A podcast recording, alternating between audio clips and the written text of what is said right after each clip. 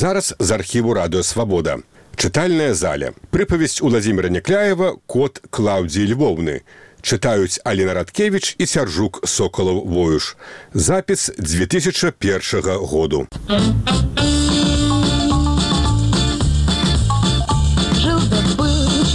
Кот за углом. Мужа Клаўдзі Львоўны звалі Артурам і ён быў катом не памаўзлівым мужиком і катом значыць у нейкім там пераносным сэнсе а натуральным кацярам з усімі атрыбутамі і з тымі пра якія вы найперш падумалі таксама ого-го казала ў такіх выпадках клаўдзя львоўна і сяброўкі паглядалі на яе артура позіркамі хуткімі і хітрымі. Нельга сказаць што клаўдзя львоўна ўсё жыццё толькі і думала як бы выйсці замуж за кота. Зусім не. Больш таго яна ўжо ледзьве не пайшла за стася цянькоўскага стаць под гэта і катэчныя перапісаў. І рарытэтны фольксваген 1300 сонечна-жоўтага колеру ад немцаў прыкаціў. А тут прыходзіць да клаўдзі львоўны таварышка яе даўняя каця цімашук і кажа мне на работу на ўсё лета ў гішпанію а ты майго артура паглядзі клаўдзя львоўна адказвае ёй што не можа бо замуж збіраецца Катя спачатку двойныя касавурыцца да злавацца маўляў што за сяброўка такая? Не можаш з катом на руках замуж схадзіць а пасля раптам пракідвае Дык ты за артурай выходзь я гэта незразумела клаўдзя львоўна за твайго кота? А чым ён горшы за твайго стася слушна спыталася катя. Нічым не горшы. Да таго ж яшчэ і кот і так яно ўсё неяк само по сабе і вырашылася Ён нейкі па-звярынаму шчыры заўважыла як першую праблему ў новым сямейным жыцці маці клаўдзі львоўны якой артур намяўкнуў што нездарма людзі кажуць калі хочаш ведаць якую будзеш мець жонку прыгледзьце уважліва да будучай цешчы шкада сказаў артур цешчы што перш як ажаніцца не меў магчымасці на вас хоць зірнуць. Даль бог сто разоў падумаў бы Ай ды малайчына ў захапленні ўскінуўся з канапы Леў Міронавіч, бацька Клаўдзі Львоўны, якому жыць зея маці даўно абрыдла, але паколькі між імі таксама была дамоўленасць, што казаць яны адно аднаму будуць толькі праўду, дык ён і казаў, што толькі адно адзіную яе кахаў і кахае. О гэта кот, усім катам коты, дзе ты клава такога знайшла ў нашым сабачніку. Леў Міронавіч і Артур адразу пасябравалі, за што адразу і выпілі адзін канячку, а другі валяр'яначкі. Артур, які льва Міроновича трошки пабойваўся, бо ў таго на насценным дыване над канапай вісела іменная зброя, пасля першага кілішка расслабіўся, закінуў лапу на лапу. Уклаў іншым разам пытаюцца, а чаму это дзе кот у мужиках? Дык я вучу яе ў адказ пытацца ў прэзідэнтах у нас хто, а хто нас ва ўрадзе, а хто ў парламенце? Шакалы, шалеў Леў Міронович, свінні, пацукі, і ўсё ўскокаваў з канапы і то хапаўся за зброю, то падліваў сабе канечку Артуру валяр'яначкі. Урэшце, падліваючы напоі і пазіраючы на расслабленага і праўдзівага Артура, Леў Міронович сам расслабіўся і даверліва прызнаўся кату, што быў некалі першым сакратаром цэнтральнага камітэта партыі. Дык вы ж загінулі, засумняваўся Артур, які ўсё і пра ўсіх ведаў. Вам жа маскоўскія КДБшнікі аўтакатастрофу падстроілі, бо вы ў крэмаль мецілі. У крэмаль меціць небяспечна, павярнуўшыся да партрэта кіраўніка дзяржавы, які вісеў на пачэсным месцы ў кухні над газавай плітой, задуменна па барабаніў пальцамі па пустой місе Леў Міронович. Ён, па-мойму, перадумаў, сказаў Артур, але вы як выкруціліся? А мае хлопцы партызаны мяне папярэдзілі і мы падсунулі для аўтакатастрофы майго двайніка. Паціраючы руки над кілішкам з каньяком шчасліва рассмяяўся Леў Міронович.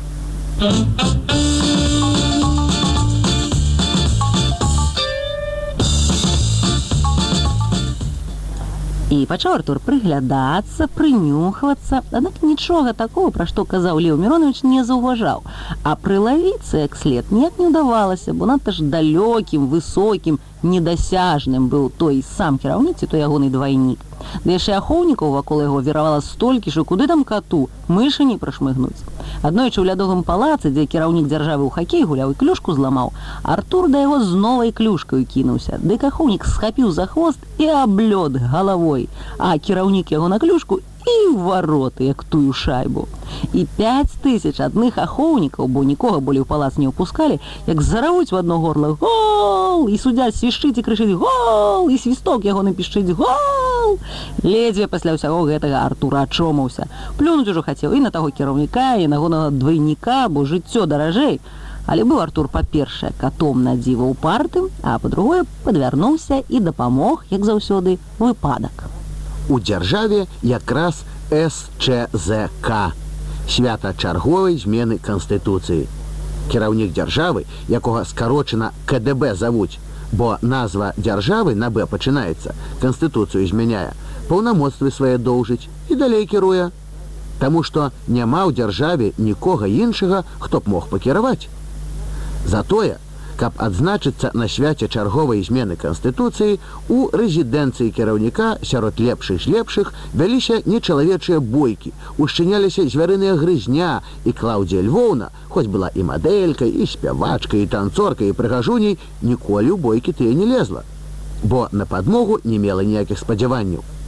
Але гэтым разам распарадчыкам на свяце ці калі заўгодна цырымонімайстарам нечакана аказаўся стась цянькоўскі які як развітальны падарунак перадаў для клаўдзі львоўны адмысловае запрашэнне ад КДБ. А падарунак для яго ты ўжо з-пад кацінага хваставы трасай, сказаў стась груба і так вульгарна, што клаўдзя львоўна нават замаркоцілася. Ты чаго сумуеш пацікавіўся Артур і калі Клаўдзя Львоўна распавяла пра грубасць і вульгарнасць цырымоніі майстра Артур падумаў прынюхаўся да сітуацыі і спытаў А чым я не падарунак я канешне не сіямскі не ангорскі звычайны кот з сярэднім хвастом сярэдняй пушыстасці але ж валяр'янку з кілішка п'ю і лапу на лапу закідаю ды сказаць што-небудзь пры выпадку не праміную умею выгляд зрабіць задуменны каты наогул на філёзафаў падобныя я б сам сабе ката завёў каб не меў сябе самога ты ж мне муж як я тебе падарыць магу? Яшчэ болей замаркоцілася з такога глупства клаўдзя львоўна. Але артур нагадаў ёй казку пра ката ў ботах якога ўсё дарылі а ён усё да гаспадара вяртаўся. І да клаўдзі львоўны ўрэшце дайшло што гэткім мудрым катом калі ахвяраваць прынесці яго некаму падарунак ды толькі кіраўніку на карысць дзяржаве. Давай паглядзім куды ўпакаваць цябе прымерылася яна як краўчыха да артура. Не захвост жа цягнуць Палазілі, пашукалі, знайшлі пад канапай пыльны яшчэ ад першых прэзідэнцкіх выбараў мяшок. У яго Артур і скочыў, а Клаўдзя Львоўна завязала мяшок чырвонай стужкай. Зялёны яшчэ давяжы, сказаў Артур з мяшка. Раптам мяне над рэзідэнцыяй падымуць.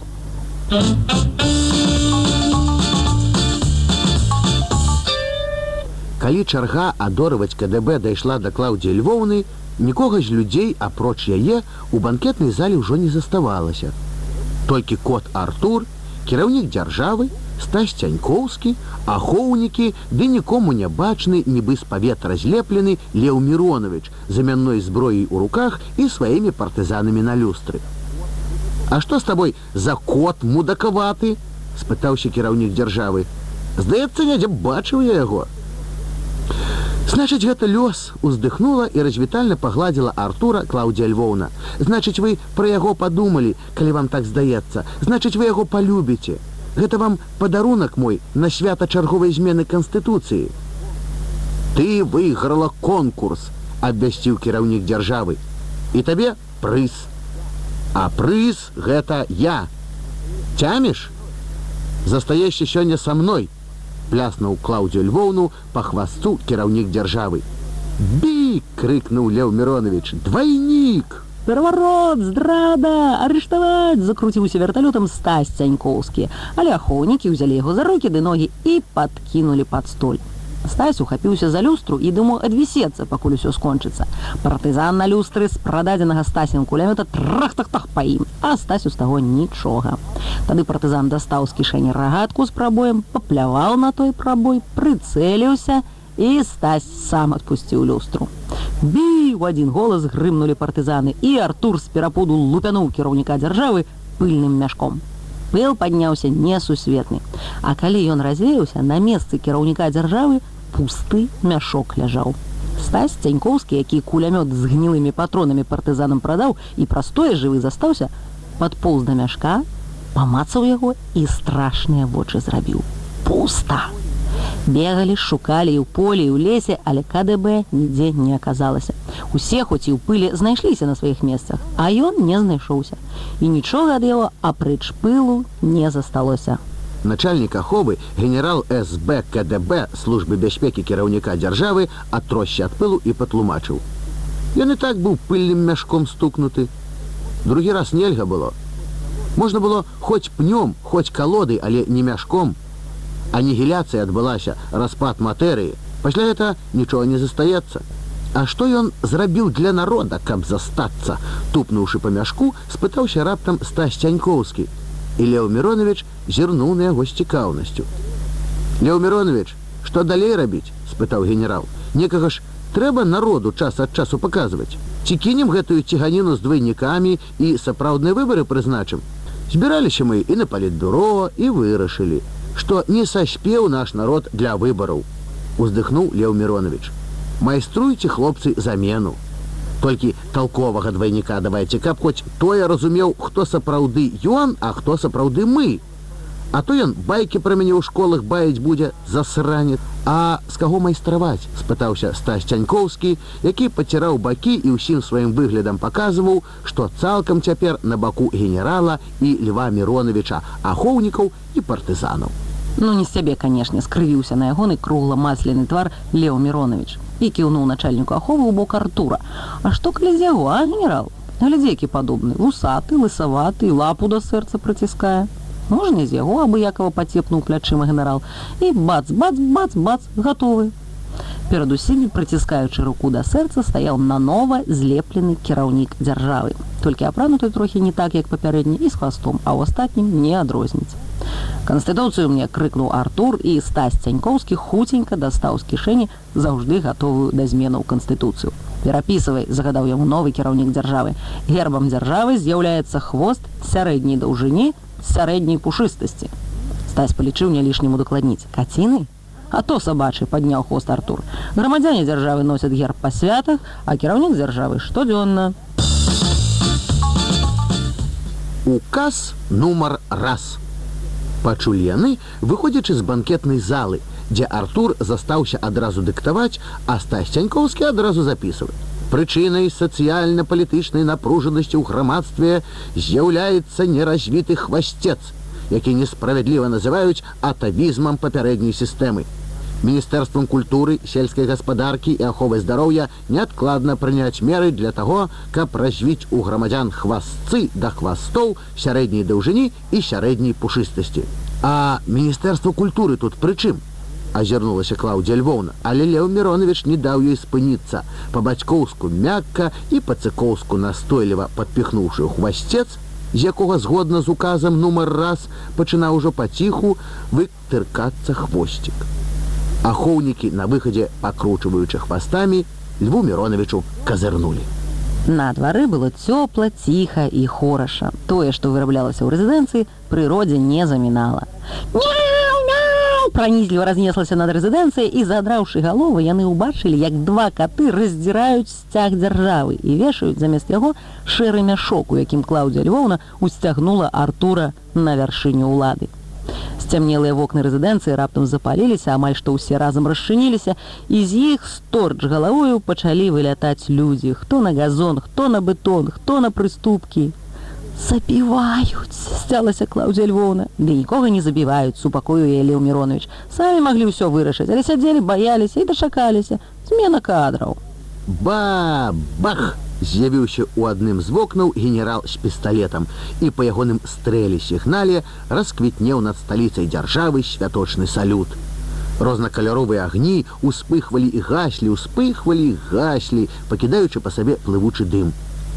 А ўсё ж прыгожа, муркнула на бацькавым плячы клаўдзя львоўна утаропіўшы ў неба вочы у якіх слязінкамі блізкалі зялёныя і жоўтыя ружовыя блакітныя чырвоныя і белыя агеньчыкі і нехта з кубкі народу які тоўся без толку праз дарогу ад рэзідэнцыі недаўменна паціраючы хвастцы і лыпаючы на шэры мяшок што лунаў у агністых нябёсах суцяшальна сказаў нібыта самому сабе э такой бяды. Дзірку ў портках ззаду прарэзаць і можна жыць. А дух выпускаць дык на